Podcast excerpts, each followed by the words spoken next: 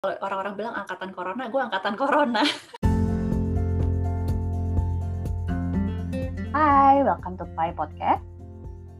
Gue Indra. Gue Enda. Live sharing is like a slice of pie. Sedikit namun berkesan dan bermakna. Hai semua, hai para penikmat. Kembali lagi di Pai Podcast. Bersama kita berdua lagi, Inda, Ya, Indra, dan Enda. yes. Hari ini kayaknya kita nggak usah ngobrol yang berat-berat kali ya, Andra ya. Capek nggak sih hidup kita ngobrol yang berat terus? Aduh. Kita mau bahas yang santai kayaknya, Enda, hari Iya. ini. Kita mau curhat-curhat, sharing tentang apa sih yang kita rasakan terkait dengan eh, tema atau topik yang akan kita bahas di slice yang kali ini, Inda. Yes, betul sekali. Jadi hari ini kita akan membahas tentang pandemi, Indra. Pandemi. Ada apa pandemi, Inda? Pandemi. Aduh, pandemi ini kapan berakhir, Indra? Gue udah stres. Siapa sih yang nggak stres ya? Iya kayak ngelihat bayangan gue gitu ya Anda ya ngelihat negara-negara lain udah kayak udah nggak pakai lagi Iya masker udah kan? free gitu terus gue ngerasa bahwa oke sebentar lagi Indonesia akan begini sebentar lagi. Indonesia akan begini Betul Sebentar sekali. Kok makin lama makin parah ya gimana tuh Nda? Pusing gue juga, Indra. Eh, apalagi ini kasus baru naik-naik lagi kan ya beberapa hari ini gitu. Eh, kayak naik terus Oh sih iya, naik terus sih dan mulai penuh lagi gitu ya rumah sakit rumah sakit. Nakes-nakesnya juga udah mulai collapse lagi Leler. gitu. Aduh. Nah, kita membahas hidup kita aja Dendra. Hidup kita gimana nih di masa pandemi ini? gue ah, gimana ya tuh Mungkin- Gua mungkin ini kali ya. mulai tuh kayak Heeh, Kenapa? baru mau mulai aja kayak gue mau narik nafas dulu gitu ya kayak oke ya udah lanjut dulu ya lo lanjut dulu Iya kan udah lewat setahun. Eh berapa tahun sih kita? Iya setahun atau lah ya. hampir satu setengah tahun lah hampir satu setengah Nah, tahun hahaha. Gimana hidup lu selama satu setengah tahun, Dra?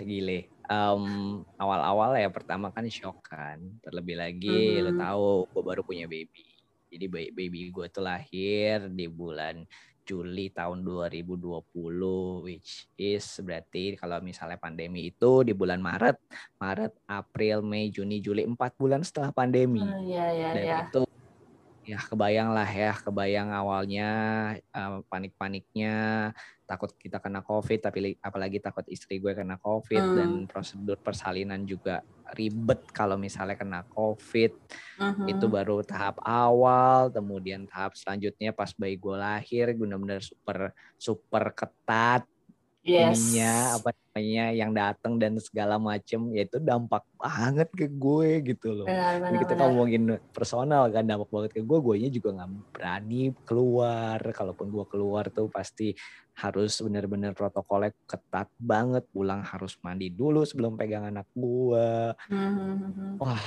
ya ya pasti para para penikmat juga ngerasain lah terkait dengan protokol dan juga jenuhnya jenuhnya masa pandemi ini Iya, Gitu ya, betul ya. sekali. Jenuh banget sih. Wah. Jenuh banget. Gile sih. Gile sih itu sih makanya em, kebayang pengen jalan-jalan, pengen ngerayain apalah makan tapi juga nggak berani. Hmm. Terlebih ya yang menjadi challenging buat gua gitu ya kalau gua boleh cerita. Ya kan sejak sejak istri gua eh, hamil kan dia memutuskan untuk tidak bekerja ya. Hmm. Nah, dia mau jadi full time mom. Terlebih lagi kita tahu kondisi pandemi ini kita nggak mungkin bisa pakai ban ya lebih minimal lah untuk pakai orang luar untuk bantu kan. Mhm. Jadi ya kita berdua jagain. kita berdua jagain terus kantong pemasukan cuma dari gua. Wah, berasa sih dah jenuh, bosen terus kayak ya gimana ya eh, ketar ketir tapi puji Tuhannya juga sampai sekarang kita masih bisa survive gitu ya Yes, yes. yes. cukup lah cukup lah walaupun ketar ketir juga duitnya makin lama makin menyusut gitu ya Menyusut Tapi tuh ya- maksudnya menyusut makin kecil atau makin gimana, Ndra? makin menyusut itu dalam arti uh, pemasukan gua itu nggak cukup buat uh, nggak sebanding dengan pengeluaran gua. Hmm. Nah, pengeluaran bukan bukan pengeluaran gua sih, pengeluaran pengeluaran keluarga gua.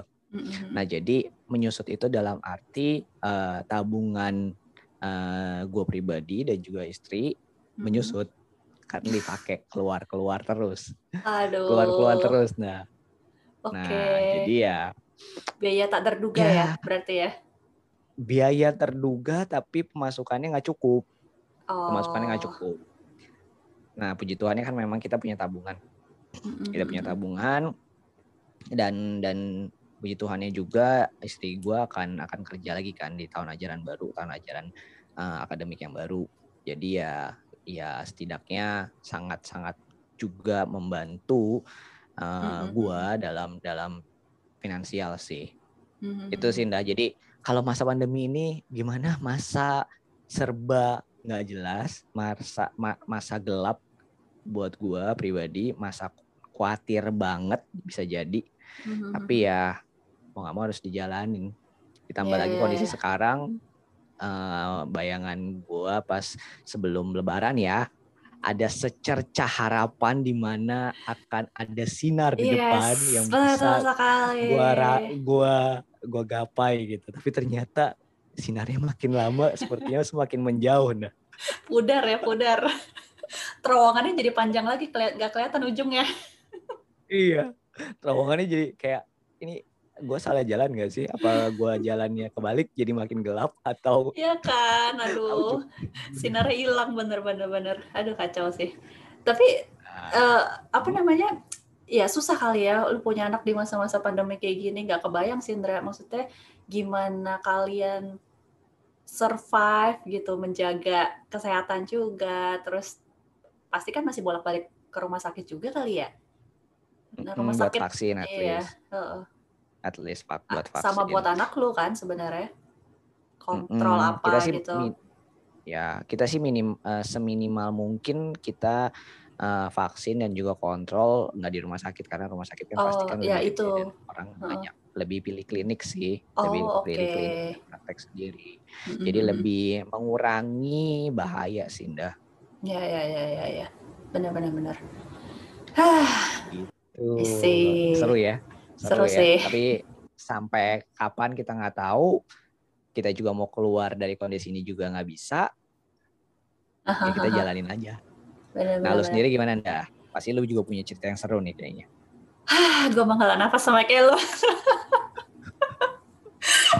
Aduh, iya ya. Sebenarnya di awal Endra ya, kalau gue boleh jujur, tahun lalu masa pandemi itu kan berarti di April gitu. Um, ada isu PSBB gitu kan.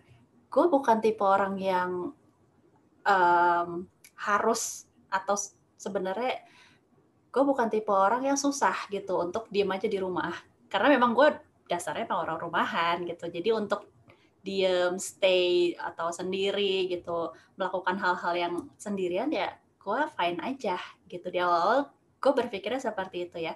Jadi kalau boleh dibilang tahun lalu itu kayak banyak hal yang gue lakukan sebenarnya dengan kondisi sendiri itu gitu kayak misalnya um, apa ya healing gitu ya healing tuh dalam arti ya gue bertemu dengan diri gue sendiri gitu ada hal-hal atau isu-isu yang mungkin gue belum kelar gitu khususnya kalau lo tahu tahun lalu awal tahun lalu kan bokap gue meninggal itu juga setelah itu kan uh, belum pandemi gitu ya gue mungkin sibuk tenggelam lagi dengan pekerjaan, uh, pelayanan, social life dan sebagainya itu mungkin nggak kelar gitu waktu itu.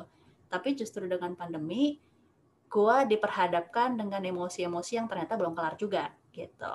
Dan ya, ya itu itu yang gue lakukan gitu ya tahun lalu. Terus gue belajar juga gitu ya tentang um, apa ya banyak lah ya. Gue kayak ambil kuliah online gratis di uh, internet gitu belajar investing, Dra. Uh, gua kalau orang-orang bilang angkatan corona, gua angkatan corona.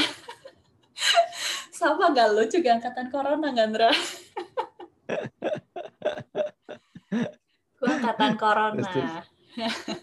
ya itu juga gue belajar gitu ya. Jadi tahun lalu sebenarnya buat gue nggak terlalu masalah gitu tapi memasuki tahun ini entah ya khususnya semingguan ini um, gue lagi demotivasi sih gue lagi kayak ngerasa jenuh di titik jenuh yang sejenuh jenuhnya dari tahun lalu itu baru sekarang sih Indra kalau boleh hmm. digambarin lewat emosi ya kayak gue nggak pernah ngerasain dari awal pandemi gue baru ngerasain tuh hmm. sekarang gitu.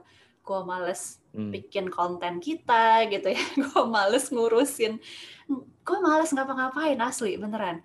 Kayak gue mungkin kepengaruh kali ya sama berita-berita yang beredar gitu kan. Kasus naik lagi terus orang-orang sekeliling gua kayak kena terus ada yang masuk rumah sakit bahkan ada yang meninggal gitu mungkin efek secara nggak sadar. Ke alam bawah sadar gue jadi pengaruh juga kali ya. Dengan kecemasan gue juga terus ya tapi lebih ke arah jenuh sih kalau gue Andra kayak gue pengen li banget hmm, hmm. liburan gitu. Gue hmm, pengen hmm, keluar kota gitu. Ke hmm, orang lain tuh kayak ngelihat ngelihat ya ngelihat teman-teman gue pada liburan. Gue pengen sebenarnya tapi kayak ya gimana ya gue tetap menjaga sih sebenarnya untuk nggak keluar kota. Walaupun mungkin bisa gitu ya. Ya gue belum merit kayak lu gitu ya. Gue nggak punya anak gue masih bebas gitu. Tapi entah kenapa ya gue kagak nggak tahu tuh Ndra. Gak berani aja gitu gue keluar. Gitu. nah menarik dah lo bilang kayak gitu. Gue bilang sama istri gue ya. Uh-uh. kalau kita belum punya anak dan di masa pandemi uh-uh. gue rasa kita mungkin pergi gitu ya mungkin pergi mungkin pergi ditambah lagi um, kerjaan gue kan kan kan sekarang kan yang kerja kan berarti cuma gue kan. Uh-uh. Kerjaan gue lebih fleksibel walaupun di work hour tapi kan jamnya kan gue yang tentuin sendiri. Hmm. Nah jadi um, lebih lebih fleksibel aja sih sebenarnya lebih fleksibel. Hmm. Nah kalau misalnya dengar cerita lu ndak, lu bilang lu jenuh um, dan lu masih punya keinginan untuk pergi keluar-luar kan? Yes. ngelihat teman-teman lo pengen keluar luar lo pengen, pengen. pergi kan? Pengen nah, banget. nah di gue di titik gue saat ini gue tuh nggak punya keinginan dah berarti lo lebih parah dari gue iya gue gak punya keinginan. Gue bilang uh, uh, istri gue pengen nanya sih mau nanya kan uh-uh. oh mau makan apa ada yang pengen dimakan nggak enggak terus tanpa sadar tanpa sadar tanpa sadar uh-uh. berat badan gue itu paling menurun di saat pandemi ini. Lu justru turun ya? Orang-orang pada naik, lu turun, turun ya? Gue wow. turun. Turun. Turun Serius seturun loh. turunnya. Padahal lu di rumah gitu ya. Di rumah kerjaan mungkin ya ada, terus bisa nonton, terus ngurus anak. Tapi turun ya, hebat uh, loh. Iya, iya. Bukan hebat. eh, karena karena orang-orang naik, Bra. Karena orang-orang naik. Nah, iya. Tapi lo harus tahu kerjaan gue di rumah apa. Oh, kan. iya sih. Kan ngurus anak berdua. Jadi, uh, tapi Simon naik. Beratnya naik. Uh, gue aja naik. Beratnya naik. Gue gue turun. Nah, makanya itu. Menarik Jadi, sih. Kayak, Kenapa lo turun ya? Wah, gili. Uh, kayak bener gue ya mungkin kalau dilihat dari dari sisi psikologisnya entah itu gua mendinai atau atau My emang press. begitu sebenarnya sebenarnya gua ngerasa gue pasti stabil sih kondisinya cuman memang karena sejak punya anak adaptasinya sangat banyak dan perubahannya sangat banyak dan nggak bisa terkontrol hmm. perubahannya itu itu yang kadang mungkin bikin gue stres kayak jam tidur gitu maksud lo jam tidur, makan nggak mau makan, terus apalagi ya, um, kadang ya ini yang amazing. Gua nggak tahu teman-teman penikmat uh, punya pengalaman yang sama sama gue atau mungkin bisa kasih tips atau kayak gimana ya. Mm-hmm. Gue punya teman, anaknya satu bulan, satu setengah bulan lebih tua dari dari anak gue Al. Mm-hmm. Uh, si Al ini uh, baru mau jalan ke 11 bulan. Berarti dia udah setahun lebih ya, Mm-mm. setahun lebih. Mm. Giginya baru satu si temen gue, anak temen gue ini, Mm, mm. ya kan. Lo tau Al giginya sekarang berapa? Eh tapi tunggu dulu, Al umur berapa sih sekarang? Harus sekarang 10 bulan mau jalan 11. Oh oke, compare sama temen lo yang satu setengah. Satu tahun, satu enggak satu Ah, tahun, ah. ya mungkin satu bulan, Bulan, lah gitu bulan, ya. Dia iya, sorry, baru bulan. satu bulan, Ah, baru satu baru satu gigi yang muncul. Oke oke. gue sempat nanya Mon ini buat lu buat lu nah gue Heeh. sempat tanya Mon "Eh, biasa eh, maksimal berapa tahun sih tumbuh gigi buat satu satu gigi gitu ya buat bayi dia bilang maksimal satu setengah tahun oke berarti maksimal satu setengah tahun minimal satu gigi harus tumbuh kan iya oke ah. Al itu 10 bulan mau jalan 11 giginya berapa ndak giginya 6 10 bulan berarti masih ada berapa bulan lagi tuh? 8. masih ada 6 Eh 6 Iya, 6. 8 bulan. Iya, 8 Nggak, bener 8 kan? bulan benar. Iya 8 kan? bulan lagi. Tadi hitung dari setengah bulan terus gue tambah 2. 8 masih ada 8 bulan lagi. Dan giginya 6. Terus? Nah, bayi itu kalau giginya muncul ya ada gangguan-gangguannya dah. Oh gitu. Ini ilmu baru buat Entah gue itu nih. gangguan. Nah, entah itu gangguan tidur atau gangguan makan. Kenapa? Oke. Karena kalau misalnya dia giginya muncul, gue nggak inget ya. Lu inget gak sih pas gigi lu muncul ada rasa nyeri atau gimana? Gak, nggak inget kan? Nah, bayi itu kayak gitu. Jadi kalau dia giginya muncul ya, entah itu di- kalau gigi bagian atas, ini jadi Ah. sharing anak, nih, jadi bukan sharing pandemi. kalau gigi bagian atasnya baru muncul, dia perilakunya dia kan nggak bisa ngomong sakit ya.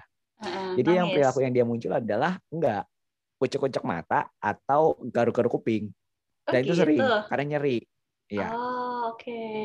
Dan, dan dan perilaku selanjutnya adalah ngecas jadi banyak. Hmm. Nah, kalau bawah lebih banyak ngecas, tapi kalau bagian atas tuh memang ke atas karena rahangnya dekat sama kuping sama mata, jadi kan dia kan nggak dia nggak bisa ilangin nyeri di dalam gigi ya. Jadi jatuhnya dipikir Ah. tuh sakitnya di mata. Makanya dia suka Oh, oke. Oh iya iya begitu iya. nah jadi kayak begitu jadi kayak em, ya ini kenapa abis ini bisa bisa hari ini fine ya baik ya besok jadi besok besok kita gue berharap akan begitu lagi tapi belum tentu enggak enggak, enggak kayak gitu juga gitu bisa berubah lagi Iya iya iya. Intinya apa ya? Ya emang gak ada yang pasti kali ya Andra di hidup ini. itu gue belajar banget ya. belajar Gue juga belajar banget. banget sih Indra itu kata uncertain Belajar itu, ketidakpastian itu. Karena Ya, gue orangnya, iya, karena gue orangnya kan, ya lo tau lah, gue orangnya kayak gimana gitu ya. Iya, iya, pengen- ya, kita sempat bahas di slide sebelumnya Iya, sesuatu hal yang pasti. Tapi ya ini nggak pasti semua. Sampai kapan pandemi juga nggak pasti. Kita hidup gimana juga nggak pasti gitu kan. Ba- Nah, bisa iya, balik normal makanya. lagi juga nggak pasti. Ah, iya. Tapi menarik sih. Kayak- eh, iya kayak tadi lu bilang gitu ya, lu nggak punya keinginan apa-apa. Serius lu? Dari awal nggak punya keinginan apa-apa? Apa di titik ini? gue nggak di titik ini gue nggak punya keinginan apa-apa maksudnya em, mungkin ya mungkin karena semua perhatian eh, semua dunia gue dan juga istri gue itu tertuju pada anak gue Hmm, jadi gue pribadi kayak dulu dulu gue kan gamers ya gue suka main ya mm-mm. Oke. gue pengen beli game terus gue pengen PS5. main PS4 gue nggak punya nggak sampai nggak punya keinginan sampai beli PS5 sih gue punya PS4 tapi gue belum nggak nggak segitunya sampai gue pengen beli PS5 sebenarnya Oke. mungkin kalau anak gue minta mungkin kita main bareng tapi kalau buat gue sendiri kayak gue nggak Oh, Oke oke. Terus terus. nah pengen beli game buat kita buat gua mainin tapi udahlah karena sejak punya anak udah hilang Mm-mm. Terus sebelum sebelum sebelum anak gue lahir, Monik masih hamil, gue masih suka ngerjain hobi gue tuh. Apa tuh? ya ngerakit Gundam, Oh. beli action figure gitu-gitu kan. Ah, ah. Nah habis itu udah punya Al, nggak udah nggak niat lagi ngambil-ngambil begituan. Mending buat beli-beli hal keperluannya si Al. Udah jadi semuanya kan fokus ke anak gue semua. Jadi kalau misalnya ditanya lu mau apa, dulu kan kita suka ke mall ngeliat-ngeliat segala sesuatu. Kalau sekarang ngelihat modelnya mod, modelnya sekarang ngelihat ini kan kejar diskon, ngeliatin e-commerce, liatin lagi Bener, apa. bener, bener. Juga udah nggak punya keinginan apa-apa. Udah nggak punya keinginan apa-apa. Jadi ya ya ini Karena juga terbatas buat ya. gua aware, ya buat gua aware gimana apa apa guanya jadi jadi jadi terdampak jadi ngaco atau memang ini fase gua lagi beradaptasi dengan situasi ini aja sih dah. Hmm. Ya, ya, ya. Gue sih ada sih keinginan, cuman nggak bisa kesampaian juga. ya itu salah satunya pergi liburan tadi sih sebenarnya. Pengen banget pergi liburan ya nggak bisa gitu. Sebenarnya bisa sih kalau mau staycation gitu ya di kayak lu kan sempat pergi ya nginep di hotel gitu ya. Sebenarnya gue bisa sih. Cuman nggak tahu ya. Eh gue lebih sayang budgetnya sih Indra. Tapi mungkin kalau gue nanti ngerasa udah mau gila beneran, gue akan sih melakukan itu kayaknya. Tunggu sampai gue di titik bener-bener mau gila gue ini gitu. Iya. Atau lu lu kan suka jalan-jalan sendiri tuh dah. Iya Gak sih. masalah juga kan buat lu jalan gitu loh. Iya bisa. Ya kadang gue melakukan itu gitu. Cuman tapi tetap ada rasa cemasnya itu loh, Ndra. Karena kan pandemi juga belum selesai, apalagi Iya. ini kasus naik lagi gitu. Ya Iya. kayak kayak balik lagi nggak sih ke titik awal gitu kan? Kalau baca berita berita ya kayak eh, second wave-nya udah mau mulai lagi nih gitu.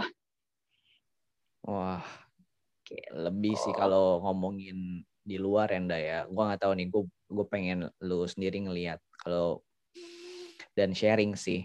Mm-mm. Lu ngelihat di sekitar kita nggak usah jauh-jauh ngomong di Indonesia lah ngomongin soal eh, gimana pemerintah Indonesia menangani COVID-19 Aduh. gitu ya. Nggak usah sampai Ya, kayak ya, gitu deh. ya. Gue pengen lu nggak lu sharing. Mungkin juga teman-teman penikmat juga ngerasain hal yang sama sama kita ya. Lu ngelihat di sekitaran lu tuh kayak gimana sih Indah? Dan dampaknya buat lu sendiri tuh apa? Sampai mungkin lu sampai bilang memutuskan lu punya lu punya keinginan kan buat jalan-jalan kan. Tapi mungkin Uh-uh. karena lu nggak feel safety gitu ya untuk keluar, makanya lu memutuskan untuk adalah mendingan gue nggak ke mana-mana deh dibandingkan gue ke mana-mana gitu kan. Nah Iya, pastinya lo iya, ngeliat iya. dong di sekeliling lo kayak gimana. Nah lo bisa sharing gitu. Iya, iya, iya. Eh, iya sih. Sebenarnya karena mungkin ya ngelihat ya paling banyak kan sebenarnya orang post segala macam itu kan di Instagram ya. Tiap hari ya mungkin ada memang orang-orang yang kerjanya ke kantor gitu ya. Itu nggak bisa disalahin sih kalau teman-teman kita yang memang harus keluar demi memang itu pekerjaan gitu. Cuman ya nggak eh, nggak bisa dibilang sedikit juga ya banyak mungkin hampir tiap weekend gitu ya. Keluar aja gitu. Atau ya pergi gitu kan keluar kota bareng keluarga lah atau bareng teman-teman staycation gitu. Eh gak tahu ya. Kalau gue menilai mungkin orang-orang juga mungkin merasakan apa yang gue rasakan juga sih. Udah pada jenuh gitu ya di rumah terus gitu kan gak kelar-kelar. Dan mungkin makin lama makin longgar kayak ada pikiran ah ya udahlah gitu. Bisa bisa nggak kena kok. Mungkin ada yang pikirannya kayak gitu gitu. Meremehkan virus lah intinya. Cuman ya itu eh, efeknya ke gue gimana? Ya kalau lu ngelihat orang bisa liburan bahagia gimana sih Indra kita pernah bahas juga gitu kan ya. Maksudnya lu pasti ngefek gitu ke, ke ke diri lu tanpa sadar gitu. Pengen lah pasti ada di posisi mereka yang liburan juga gitu kan. Cuman ya kan nggak bisa juga. Kalau gua sih ya nggak tahu kalau yang lain gitu. Jadi harus menemukan cara lain yang bisa bikin lo tuh survive dan ya bikin lo nggak jenuh. Itu harus mau nggak mau sih lo akan jadi kreatif sih. Tapi ya tergantung sih. Tergantung. Gue sempat punya pikiran kayak gini loh. Nggak tahu ya eh, teman-teman dan lo juga pernah punya pikiran kayak gini atau enggak? gimana tuh Kan eh, beranjak dari gue punya anak, kita Mm-mm. eh, ketat banget, ketat banget kan, ketat Mm-mm. banget. Terus kita dengar berita-berita di luar sana bahwa apa pun kondisinya, seketat apa pun itu nggak menutup kemungkinan lo bakal kena juga. Nggak tahu dari mana entah kita kelalaian kita sendiri atau pas kita lagi kondisi kita nggak fit terus tiba-tiba kita bisa kena dan segala macam. Nah, gue sempat mikir, capek sih. Lu, lu berusaha seketat mungkin, karena waktu itu Mm-mm. kan pernah sempat eh mertua gue pernah positif tuh di Hmm. awal-awal pandemi. Dan kita semua tuh jaga bareng, jaga ketat banget. Ini benar-benar jaga ketat banget toh juga bisa kelolosan, bisa kena. Mm-mm. Nah, dengan kondisi seperti itu, sempat gue mikir kitanya ketat, tapi di luar sana kayaknya nggak ketat-ketat banget. Betul. Em, jadi kayak lu berjuang sendiri di mana kayak dalam tanda kutip sia-sia tapi enggak juga tapi tapi jadi kayak capek deh intinya capek Mm-mm. Benar. jadi em, lu tuh kayak ngerasa gimana ya ceritanya ya susah gue ini baru kali ini gue susah untuk menjelaskan apa yang di pikiran gue gitu tapi mungkin teman-teman dan lu juga paham apa Paham, yang, paham, yang di pikiran Mungkin, ya mungkin analoginya gue kepikiran gini, Sindra. Kayak lo lagi PDKT atau pacaran gitu ya. Yang berusaha tuh cuma satu doang gitu. Yang satu tuh kayak, ya udah gitu kan. iya jadi udah jadi kayak tapi itu mengancam gitu kalau lu Iya, pacaran iya, kan iya, ya iya, udah iya. gitu tapi ini mengancam mengancam Iya, iya, banget iya. dan bahaya bahaya Mm-mm. bahaya nah di titik capek itu serasa bahwa kita cuman minoritas yang berjuang sendiri Mm-mm. somehow somehow kayak kalau gua kena ya kalau gua Hmm. kena ya udah udah sampai di titik itu. Kalau gua kena ya udah. Ya Iya sih. gimana? Mau nyalain siapa? Mau nyalain diri sendiri juga kita nggak tahu kita lalai di mana. Mau nyalain orang lain juga siapa yang mau disalahin? Mau nyalain siapa nggak ada yang bisa disalahin? Jadi Mhm. menurut gua ya kalaupun memang gua diberi kesempatan diberi kesempatan kayak bukan nggak pas ya nggak diberi kesempatan berarti gue minta dong kesempatan. Bukan kalau gua nanti amit-amit kena ya Heeh. ya ya udah mau gimana tapi di Iya, satu iya. sisi gue kesel gitu ya di satu sisi gue berasa kesel di sisi lain ya gue nggak bisa apa-apa juga Iya sih. Dan nggak tahu juga sih sebenarnya kita udah kenapa nggak kena kan bisa aja tanpa gejala sebenarnya kan. tadi ya jadi em, kayak di di tengah-tengah gitu nggak sih Indah? Kalau serba bingung gua ya. merasa bahwa ya kayak misalnya gue berasa oke bisa jadi kan gue juga ada tapi gue Mm-mm. kenapa-napa Mm-mm. berarti gue bisa dong itu kan Benar, atau benar. sebaliknya atau sebaliknya gue ini udah kena dan gue ada gejala tapi kayak gue berjuang sendiri capek gitu loh di luar sana masih santai Iya. terus masa iya gue harus begini terus gitu ya sama orang pasti akan di titik yang di bawah di mana dia pa- pasti keinginannya butuh untuk terpenuhi kan Mm-mm. Ya tetap prokes lah ya intinya ya. Ya, ya benar juga sih. Maksudnya serba bingung gitu. Sebagai rakyat bingung gitu ya. Sebagai apa ya individu juga kita bingung gitu ya harus gimana. Ya yang bisa kita usahakan sebenarnya kan adalah gimana cara kita memprotek diri kita sendiri gitu. Mulai mulainya balik lagi ke diri kita sendiri. Gitu. iya iya Mm. dan seperti yang lo bilang dah di sekeliling kita em, ya dengar gitu ya ada yang struggling dengan kesendiriannya ada yang Mm. struggling dengan penyakitnya entah itu covid kah atau itu non covid terus ada yang struggling dengan meninggalnya orang-orang terdekat mereka entah itu Mm. karena covid Yes. ataupun tidak ini kita tadi baru bahas soal kita ngadepin pandemi ya secara umum Mm. tapi ya nggak dipungkiri kalau misalnya ya ya kondisi-kondisi seperti itu yang juga banyak banget juga banyak banget Ya, tapi ya gue ini sih, Indra. Maksudnya gue juga belajar, ya udahlah, nggak apa-apa kalau misalnya, karena gini, gue ngeliat dari awal gitu ya, pandemi segala macam, orang tuh berusaha gitu ya, untuk produktif sana-sini, tetap produktif gitu, walaupun di rumah gitu. Mau olahraga ke mau lu tetap berusaha untuk berkarya ke atau apa somehow uh, kita yang lihat itu juga kayak merasa tertuntut gitu ya untuk ayo do something do something do something gitu. Tapi gue ngelihat uh, ke diri gue sendiri gitu ya ya udah kalau misalnya memang lagi nggak pengen ngapa-ngapain ya udah gitu nggak usah ngapa-ngapain gitu. Tapi mungkin nanti ada saatnya ketika lu energi lu udah balik lagi ya mungkin lu akan bisa melakukan hal lain gitu. Yang mungkin akan bisa lebih baik gitu. Jadi memang ya ambil waktu aja lah. Karena yang kenal diri kita itu kan adalah diri kita sendiri ya. Gitu. Kita lagi di titik apa itu ya kita sendiri yang tahu. Dan ya, hanya kita yang bisa tahu gimana caranya untuk membuat diri kita lebih baik ya di titik ini gitu iya Iya, gue jadi gue jadi nge-reflect ke diri gue sendiri ndak apa mm -hmm. yang lu ngomong. Tapi gue berpikir karena ini dalam jangka waktu yang lama ya ndak ya. Mm. Dan itu membentuk kita loh ndak. Maksud gue, yeah, gue gue cukup aware bahwa ketidak keinginan gue akan segala sesuatu itu bisa terus menerus terjadi sama gue kalau misalnya gue nggak ngapa-ngapain yes, sampai nanti pandemi itu selesai. Sekarang yang simple deh, sing, sing simple. Gue sekarang jadi males ke mana-mana loh.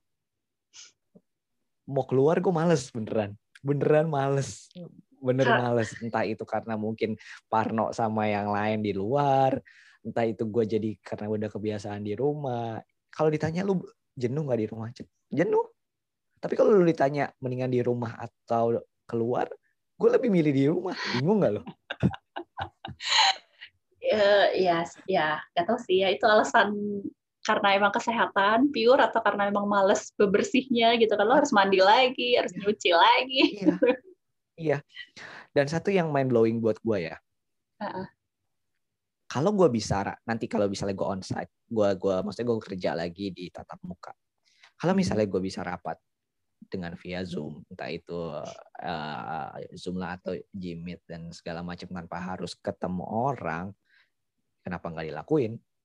Hmm. dan sebaliknya kalau misalnya gue bisa meeting di rumah kenapa gue harus ke kantor? Kayak gitu gitu kan eh, pikirannya. iya, benar -benar. semuanya kayak di rumah aja. Tapi gue kok baru kepikiran satu hal Dendra lu ada pernah nggak sih di titik uh, selama pandemi ini tuh lu males interaksi sama orang? Kayak lu males nanggepin nanggepin orang gitu. Gue males nanggepin orang, orang itu dalam arti di luar keluarga berarti ya? Iya, pastinya di luar keluarga.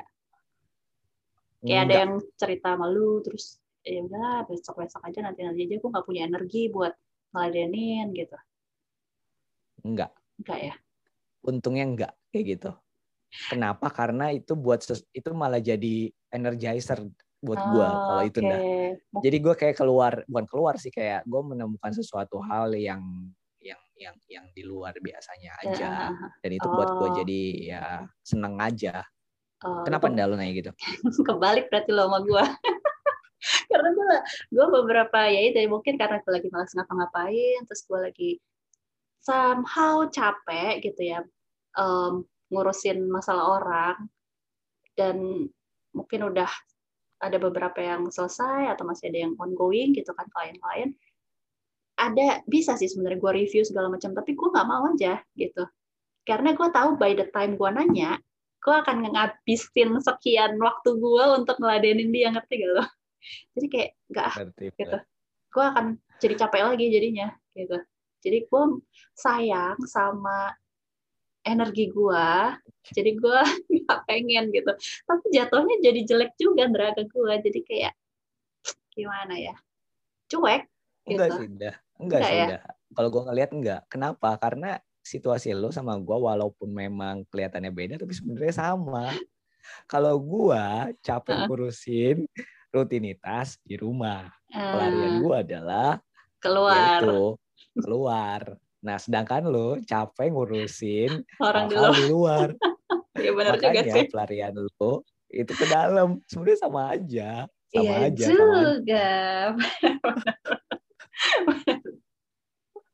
Iya, iya, iya, iya. Aduh, kocak. Sama aja. Kita udah udah ngobrol dari panjang lebar gitu ya. Mhm. Ngobrolnya isinya cuman apa ya kali ya bener-bener Curhat, cerita. curhat ngalor ngidul, Ndra. ya mudah-mudahan penikmat juga masih bisa menikmati ini ya. Iya, Siapa iya. tahu teman-teman mungkin ada sharing juga ataupun pengalaman terkait dengan pandemi ini yang bisa Mhm. mungkin jadi ya nggak usah jadi inspirasi lah kalau misalnya pengen cerita aja pengen berkeluh kesah kayak pembicaraan kita kali ini itu teman untuk didengarkan boleh kembali di kita ingatkan bisa sharing di di IG anda ya Mm-mm. IG kita apa anda Pai.podcast atau di Dan juga di- email. email ya di Gmail di piepodcastpie at gmail.com Mhm. Oke. Eh, kita nggak ada takeaways-nya ya. Kesimpulannya apa yang bisa dibawa pulang oh ada ada ada ada ada apa, ada, ada. apa, apa, Tra? ada ke dalam kehidupan ini dalam kehidupan ini ada dua hal yang pasti itu kayaknya udah pernah kita bahas ya Masa sih? dua hal yang pernah nggak sih ya, Oke, coba, coba, kalau coba, belum lanjut, kita bahas- lanjut. kalau belum kita bahas ada di dalam kehidupan ini ada dua hal yang pasti dah yang pertama adalah kematian Hmm. manusia pasti mati entah itu kapan tapi kita nggak tahu kapan yang kedua Hmm. adalah ketidakpastian itu sendiri dah. Baiklah, selamat menikmati ketidakpastian dalam hidup berarti Andra ya. iya terutama kita yang berada di kondisi ya nggak usah ngomong negara lah kita ngomongin kondisi kota. Kalau misalnya kita di Jakarta ya di Jakarta lah. Gitu ya Nda ya. Baiklah. Oke, take khususnya dari lo aja Andra ya, karena gue lagi jenuh, jadi gue nggak bisa ngasih sesuatu. Cuma intinya, ya balik sih, maksudnya ya udahlah gitu. Kita yang kenal diri kita, ya udahlah itu kayaknya itu aja deh Nda ya udahlah gitu aja enggak lah. Kita yang kenal diri kita, kalau lagi di fase jenuh atau ya bosen atau apa pun, ya semoga kita bisa keluar dari perasaan itu, tapi jangan dihindari gitu. Oke hadapi dan Hadapi. janganlah dihindari Betul. Oke, kita ketemu di slide berikutnya. Semoga obrolan kita akan lebih berguna. kembali berguna ya Nda oke Oke, thank you. sampai ketemu Oke, bye-bye. bye